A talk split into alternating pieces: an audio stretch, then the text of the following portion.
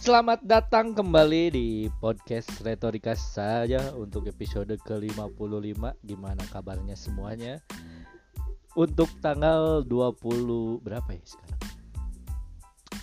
20 13 Juni 2021 Saya mohon maaf Karena baru kali ini berhasil rekaman lagi Karena satu dan lain hal. Akhirnya baru bisa rekaman lagi. Jadi gimana kabarnya guys? Aku harap kalian eh, berbahagia dengan momen-momen semenyenangkan ini ya karena apa sih? Apa yang lo gue alamin akhir-akhir ini adalah pekerjaan yang sangat memberatkan gue lembur gue pulang malam gue gue kerja sampai malam gitu kan jadi gue keteteran gitu soal ngerjain podcast. Jadi so semoga kita bisa rekaman podcast lagi lebih rajin. Terima kasih untuk semua yang masih dengerin. Gue harap emang ada yang dengerin, meskipun gue yang gak yakin ada yang dengerin. Uh, seharusnya gue udah rekaman beberapa kali tapi karena kesibukan jadi baru bisa rekaman lagi mungkin juga bukan karena kesibukan tapi kemalasan you know setiap manusia pasti punya rasa malas. Uh, juga gue kepikiran buat bikin topik karena sepertinya gue kehabisan topik obrolan obrol di podcast ini. Apa yang karena dari akhir-akhir ini? Pertama Euro 2021 akan dimulai. Sedang berlangsung uh, eh, gue kemarin nonton Denmark PS Finlandia dan pada menit ke 40 sedikit terjadi kolaps terhadap Erikson yang pemain Denmark yang membuat gue merasa bersedih karena semengerikan itu gitu. Orang kolaps kayak kehilangan jantung berhenti berdetak gitu di di lapangan gitu. Dan selalu ada momen-momen yang menandakan bahwa ada pahlawan di sekitar situ. Kayak waktu itu waktu kejadian itu pahlawannya adalah seorang Simon Kejair dia adalah seorang kapten Denmark. Dia yang membantu menyelamatkan si si si Kejair dari eh si, si Erikson dari kemungkinan uh, meninggal dunia ya karena ada istilah namanya ketelan lidah jadi lidahnya menghalangi tenggorokan untuk mengambil napas. Jadi dia nggak bisa bernapas karena you know uh, dia tiba-tiba kehilangan kesadaran. Tapi kemudian dia mengambil langkah uh, dengan cepat gitu dia mengambil lidahnya dan dia menolong. Dan pada akhirnya dia membentuk barikade yang menurut gue itu epic banget sih fotonya. Dia membuat barikade untuk melindungi si Erikson ketika dirawat oleh tim medis dari sorotan media dan para penonton gitu. Karena itu adalah sebuah upaya yang sangat mengerikan gitu untuk ditonton uh, tragedi gitu. Disturbing lah istilahnya. Juga bagaimana seorang kapten uh, Simon Gejair menenangkan istrinya yang sangat khawatir dan bersedih karena melihat suaminya tiba-tiba kolaps di lapangan pada akhirnya pertandingan itu ditunda tapi kemudian uh, si Erikson kembali dari lapangan dari lapangan sepak bola dan akhirnya uh, eh dari dia ke, dibawa ke rumah sakit di rumah sakit dia berhasil pulih kesadarannya kembali dan dia meminta teman-temannya bertanding lagi. Dan hanya bertanding lagi dan dimenangkan oleh Finlandia 1-0 dan pencetak gol dari Finlandia tidak merayakan. Uh, golnya karena menghormati Erikson. Jadi pada hari itu pertandingan sepak bola yang harusnya meriah menjadi lebih bersedih dan berduka. Uh, itu aja yang gue ikutin di di weekend ini karena ini. Terus apa lagi? Apalagi yang terjadi di kehidupan gue minggu-minggu ini? Hmm, gue nggak ikut open mic minggu kemarin karena sibuk. Gue sampai maghrib di kantor karena kan hari ini adalah hari Ju, apa bulan Juni bulan Juni. Bulan Juni adalah akhir tahun pelajaran sekolah biasanya. Dan kemudian sekarang adalah tahap dari penerimaan siswa baru SMA dan saya terlibat dalam pekerjaan untuk membantu siswa-siswa dalam menuju sekolah SMA yang dia mau. Jadi akhirnya gue lembur mengerjakan proses itu. So gue nggak mengikuti stand up comedy dalam sesi open mic selasa kemarin. Padahal hari itu seharusnya ada seorang. Maksudnya hari itu di acara open mic itu ter- ter- terasa ramai karena ada artis dari preman pensiun yaitu bos apa geng preman zaman dulu. Ada bos Saeb ada siapa lagi ya? Ada Junaedi nah, terus satu lagi ada si siapa ya? Itu namanya lupa lagi gua. Ya pokoknya adalah. Eh tapi uh, habis hari itu juga tiba-tiba di komunitas dibuat akan ada acara show yang gua nggak perlu sebut acaranya seperti apa. Pokoknya akan ada konsepnya baru. Uh, lihat aja di pengumuman nanti di Instagram ya. Gua sedang berusaha untuk rajin menulis karena sepertinya memang uh, stand up comedy itu cuman butuh ketelatenan gitu. Maksudnya butuh ketekunan dalam menulis jokes. Karena pada akhirnya praktek latihan nulis latihan nulis latihan nulis. Itu aja sih yang paling penting. Karena se seberapa sering lo dengar teori seberapa sering lo dengar uh, informasi yang lo butuhkan pertanyaan-pertanyaan yang timbul lo nggak akan ngerti kalau lo nggak jalanin. Lo jalanin dulu aja. Karena sesungguhnya gue sih ngerti gitu bahwa jokes itu terbuat dari apa. Maksudnya gue ngerti gitu.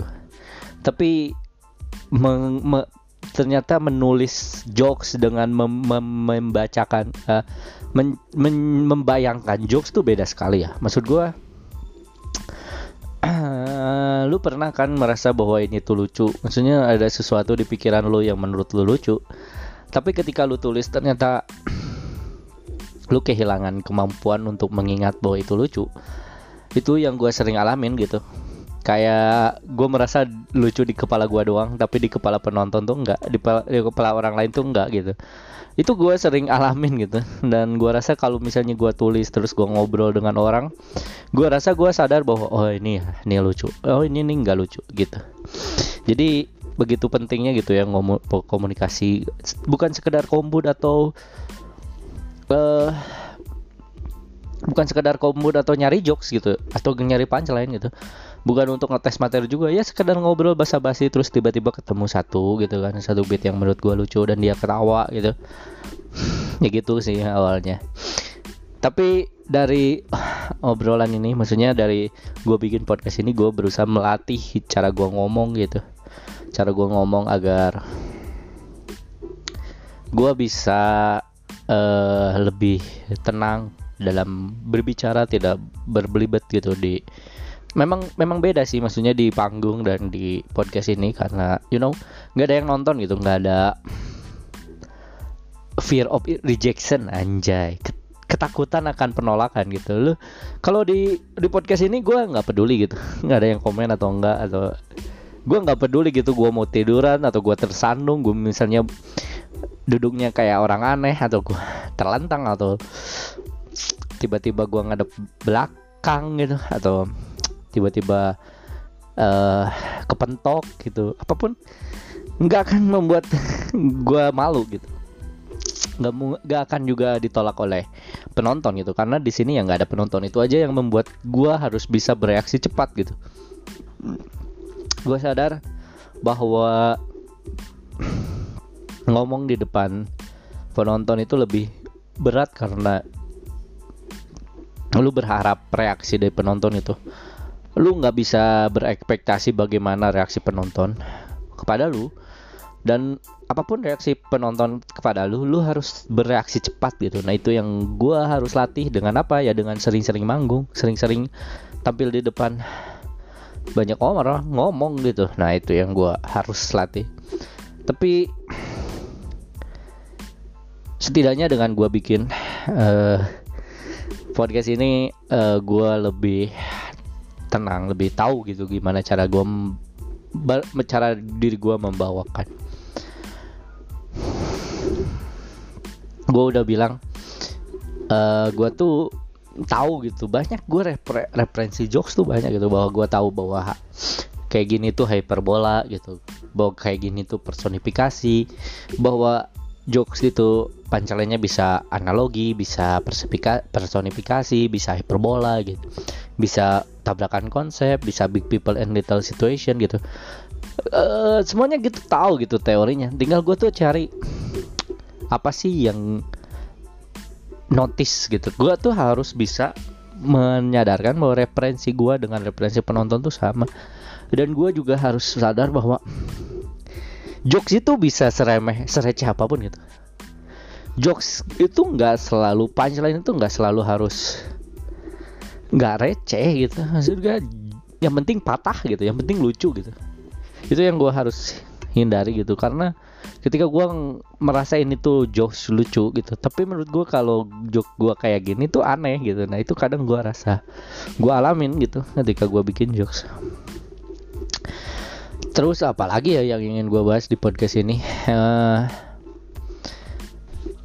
Gue gue sa gue gue sudah melupakan masa lalu kan intinya. Gue udah melupakan masa lalu gue udah tidak terjebak dalam hubungan yang kemarin itu. Yang you know uh, udah ditinggalin. Udah nggak tahu gimana kabarnya tapi gue masih suka-suka stalling. Tapi tahu nggak sih yang unik dari sebuah hubungan adalah gue nggak agak aneh ketika tiba-tiba mimpi mungkin ini bukan sesuatu yang uh, gimana ya bukan sesuatu yang signifikan gitu dalam hidup gue karena kayak buka bunga tidur aja tapi gue herannya adalah kenapa harus ini gitu. Jadi gue tadi si tadi mimpi uh, ketemu uh, mantan mantan gue di mimpi gitu. Mantan gue dan gue gak ngerti gitu kenapa bisa gitu bisa ketemu balikan ketemu ke rumahnya gitu. Apa yang gue expect dari itu? Gue tuh nggak uh, triggernya apa gitu. Karena selama gue menjalani hari gitu ya sebelumnya nggak nggak ada pikiran tentang dia gitu. Enggak, gue nggak ngerti itu tiba-tiba. Aneh banget gue kemarin mengalami pengalaman yang menurut gue bikin khawatir. Uh, kenapa gue sekarang gue sekarang gini. Ada orang yang uh, kan gue sekarang udah merasa nggak perlu berharap ya. Maksud gue dengan kejadian kemarin ketemu perempuan itu dan apa yang gue harapkan dari hubungan dengan perempuan itu dan ternyata tidak berujung gue jadi kehilangan harapan untuk mendapatkan apa yang gue pengen kan? Dan gue jadi berharap ya ya, ya gue jadi nggak bisa berharap apa pun gitu untuk apa yang terjadi ke depan. Ya gue udah gue jalanin aja gitu. Tapi gue pikir kayak gim gimana gimana caranya. Gue gue gue sih sadar gitu boh menaruh menaruh uh, menaruh menaruh masa depan dari kata semoga tuh menurut gue sih eh, uh, utopia gitu utopis gitu. Lu harus sadar bahwa lu boleh semoga tapi lu harus sadar bahwa ada kemungkinan terburuk dari itu gitu. Jadi so gue rasa lu harus jalanin aja apa yang lu dapat dan apa pun yang terjadi kepadanya ya udah. Gak usah ada kata semoga untuk jadi sukses gitu dan sebagainya gitu. Kalau udah ada jalannya ya ya udah jalanin aja gitu. Ngerti nggak sih? Ini maksud gue daripada lu berpikir bahwa uh, hidup harus kayak gini harus ketemu ini harus kayak begitu begini maksimal gitu apa pun udah jalanin aja. Hari ini lu mau ngapain lu mau pergi ke mana udah itu aja ya nggak sih? Ya nggak sih?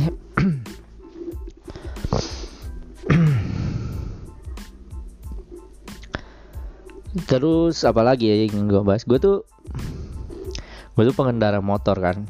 Dan gue sadar bahwa sebagai pengendara motor gue tuh sering merasa an aneh kalau kalau misalnya di di di bon, bon, membonceng perempuan yang gue tuh gak bisa ngapa-ngapain gitu ngerti gak sih? Gue tuh cuma bisa nyetir. Tapi you know kalau ada perempuan yang terlalu agresif itu adalah momen di mana lu bakal salah tingkah sih. Dan rasanya itu adalah momen-momen yang lu rindukan gak sih? Nggak tahu ya menurut maksud gue gue hidup sendiri jomblo gitu ya. Nggak punya teman eh, dekat atau pacar gitu ya. Eh dipeluk dipeluk pasangan ketika nyetir tuh menyenangkan. Anjing sedih banget ya gue ya. Kayak gitu aja kok menyenangkan lu orang-orang yang lain udah kayak apa apa gitu pengalamannya lebih tragis gitu kalau dulu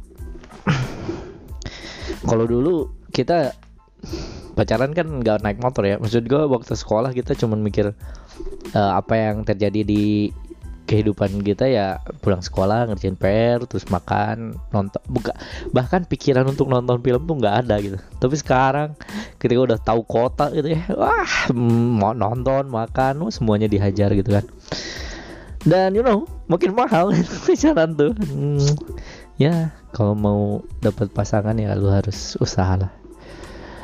Tapi sekali lagi gue bilang sekali lagi gue bilang lu pasti setuju dengan ini bahwa laki-laki tuh butuhnya gak butuh uang gue juga. Gak butuh uang butuh sentuhan fisik. Ya you know lah gitu. Butuh kan butuh butuh pujian butuh pujian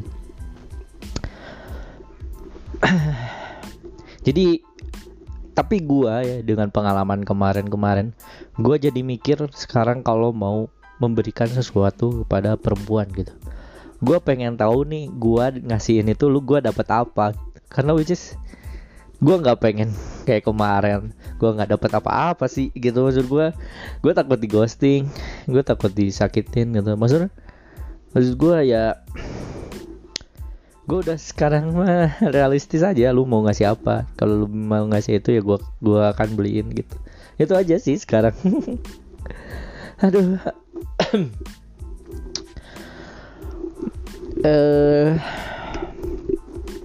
apalagi ya yang gue mau ngomongin? Nggak ada sih. Kan nggak ada topik yang gue pengen ngomongin. Uh, oh ya kan kemarin kan ada yang lagi viral ya soal makanan eh, fast food sama grup band grup band Korea yang bikin orang-orang pada antri gitu ya bikin para ojol mengantri ke McDonald. Gua rasa itu gak akan relate bagi gua gitu. Maksud gua gua nggak ada gua gua bisa mengerti mereka seperti itu. Gua sadar bahwa memang itu adalah fantasi mereka. Gua ngerti gitu. Gua sadar banget gitu. Tapi gua nggak bisa ngejudge mereka gitu. Karena mungkin gua juga dulu kayak gitu gitu. Ketika gua masih muda gua punya kesukaan keidolaan pada orang gitu. Dan akan melakukan apa pun untuk mendapatkan apa yang diidolakannya gitu. Dan seperti mereka tapi ketika kita semakin tua semakin berumur gue sadar bahwa itu teh nggak ada manfaatnya sih. jadi gue sadar jadi ketika gue ngom ada yang komen gitu pada orang-orang yang protes sama itu. Gue sadar itu karena mereka tua aja gitu nggak nggak nggak bisa relate dengan itu. Itu tuh cuman anak-anak SMA kuliah ibu-ibu perempuan gitu wajar gitu. tapi kalau ada laki-laki dewasa jelas mereka nggak pernah mengerti apa bahagianya itu. Gue juga gue gue berani taruhan. Kalau ada laki-laki dewasa manly gitu suka BTS dan ngebelain beli kecuali konten kreator ya gue yakin gak ada. Gue rasa gue rasa itu harus dipahami oleh para orang-orang yang nggak bisa mengrelate dengan BTS mil itu. Tapi akibat dari itu adalah ya ditutup lah gerainya. Pembeliannya dihentikan. Ya which is emang itu pasti yang terbaik sih. Daripada terjadi hal-hal yang tidak diinginkan kan? Seperti apa itu? Uh, covid makin meningkat uh, vaksin vaksin covid covid ya kan? Tapi dari acara itu gue sadar bahwa gue nggak bisa relate sih.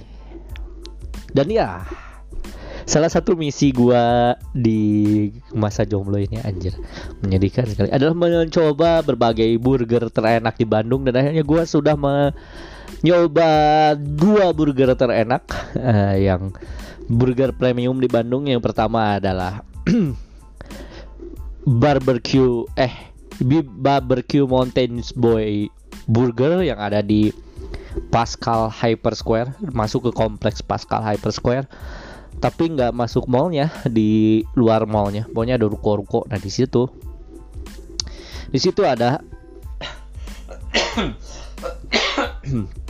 di situ ada burger barbecue burger dari barbecue mountain boy mountain boys. Di situ gua mesen cabin style which is enak. Dagingnya tebel terus uh, juicy terus ada uh, rasa manis dari pineapple. Itu ciri khasnya ya dari cabin style. Dia ada pineapple goreng gua nggak salah. Enak enak. Uh, gua kayaknya lebih suka itu daripada yang satu lagi. Tapi yang satu lagi dagingnya bro nggak ada lawan.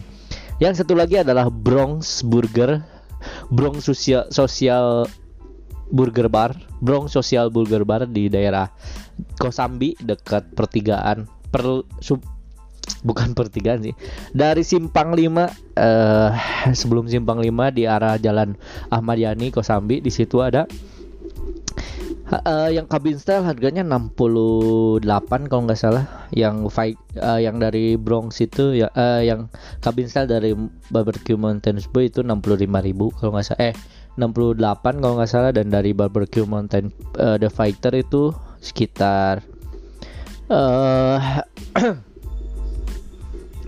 sekitar 8 sekitar Eh, enam puluh lima ribu gitu. The Fighter itu terda terdiri dari caramelized onion, terus ada uh, apa daging brisket, ada bacon, ada beef, uh, ya pokoknya enak lah pokoknya itu. Gua saking dan ada telur telur ceplok sunny side up. Itu sih menurut gue tebel banget dan saking tebelnya gue kenyang men satu kali. Dan itu rasanya enak banget. Daging dagingnya tebel juicy. Cuman gue rasa dia dia tuh kurang kurang apa ya? Kurang kurang manis gitu. Gue rasa dia kurang sayuran sih. Gue gue jujur ya maksudnya dari burger itu yang paling penting adalah sayuran gitu. Kayak ada caramelized onion gue suka. Terus ada lettuce gue suka. Kalau ada tomato gue suka. Terus kalau ada pickle gue suka gitu. Jadi kalau cuman sayurannya dari pickle atau gak ada so, gak ada tomat tapi dari saus tomat itu gue kurang suka tuh. Tapi kalau dagingnya gue rasa daging dari Bronx itu lebih tebal sih. Lebih banyak gitu. Karena kan gue milihnya yang emang yang pure daging gitu kan the biter gitu. tapi ada satu lagi yang gue incer adalah Five Monkeys tapi belum gue bisa datengin. Terus ada burger burger bangor gue juga belum datengin. Tapi kita lihat aja nanti ke depannya apakah gue bakal ke sana uh, uh, jadi gue sekarang apa ya yang gue cari? Gue nggak tahu sih gue lagi nyari apa sekarang. Gue sedang berusaha untuk menulis jokes menulis mencari mencari premis-premis, mencari setup setup agar untuk menjadi seorang stand up stand yang baik. So untuk kali ini gue sekian aja. Gue nggak tahu tema besar dari podcast ini apa. Gue cuman pengen rekaman aja, tapi gue nggak nyatet poin-poin yang akan gue bahas di sini. Jadi gue nggak ngerti nanti di judul akan berisi apa. Tapi untuk sekarang terima kasih masih dengarkan gue pengen lu chat gue kalau lu dengerin podcast gue terima kasih untuk semuanya. Jangan lupa tetap jaga kesehatan patuhi protokol kesehatan. Lu tahu gue juga nggak taat-taat banget gue juga sering keluar rumah gitu kan kayak ke yang gue bilang tadi coba berbagai burger tapi lu tahu kan bahwa gue bukan contoh yang baik tapi jadilah lu contoh yang baik oke? Okay? untuk segi, untuk hari ini terima kasih semuanya. Gue Akbar pamit. Dah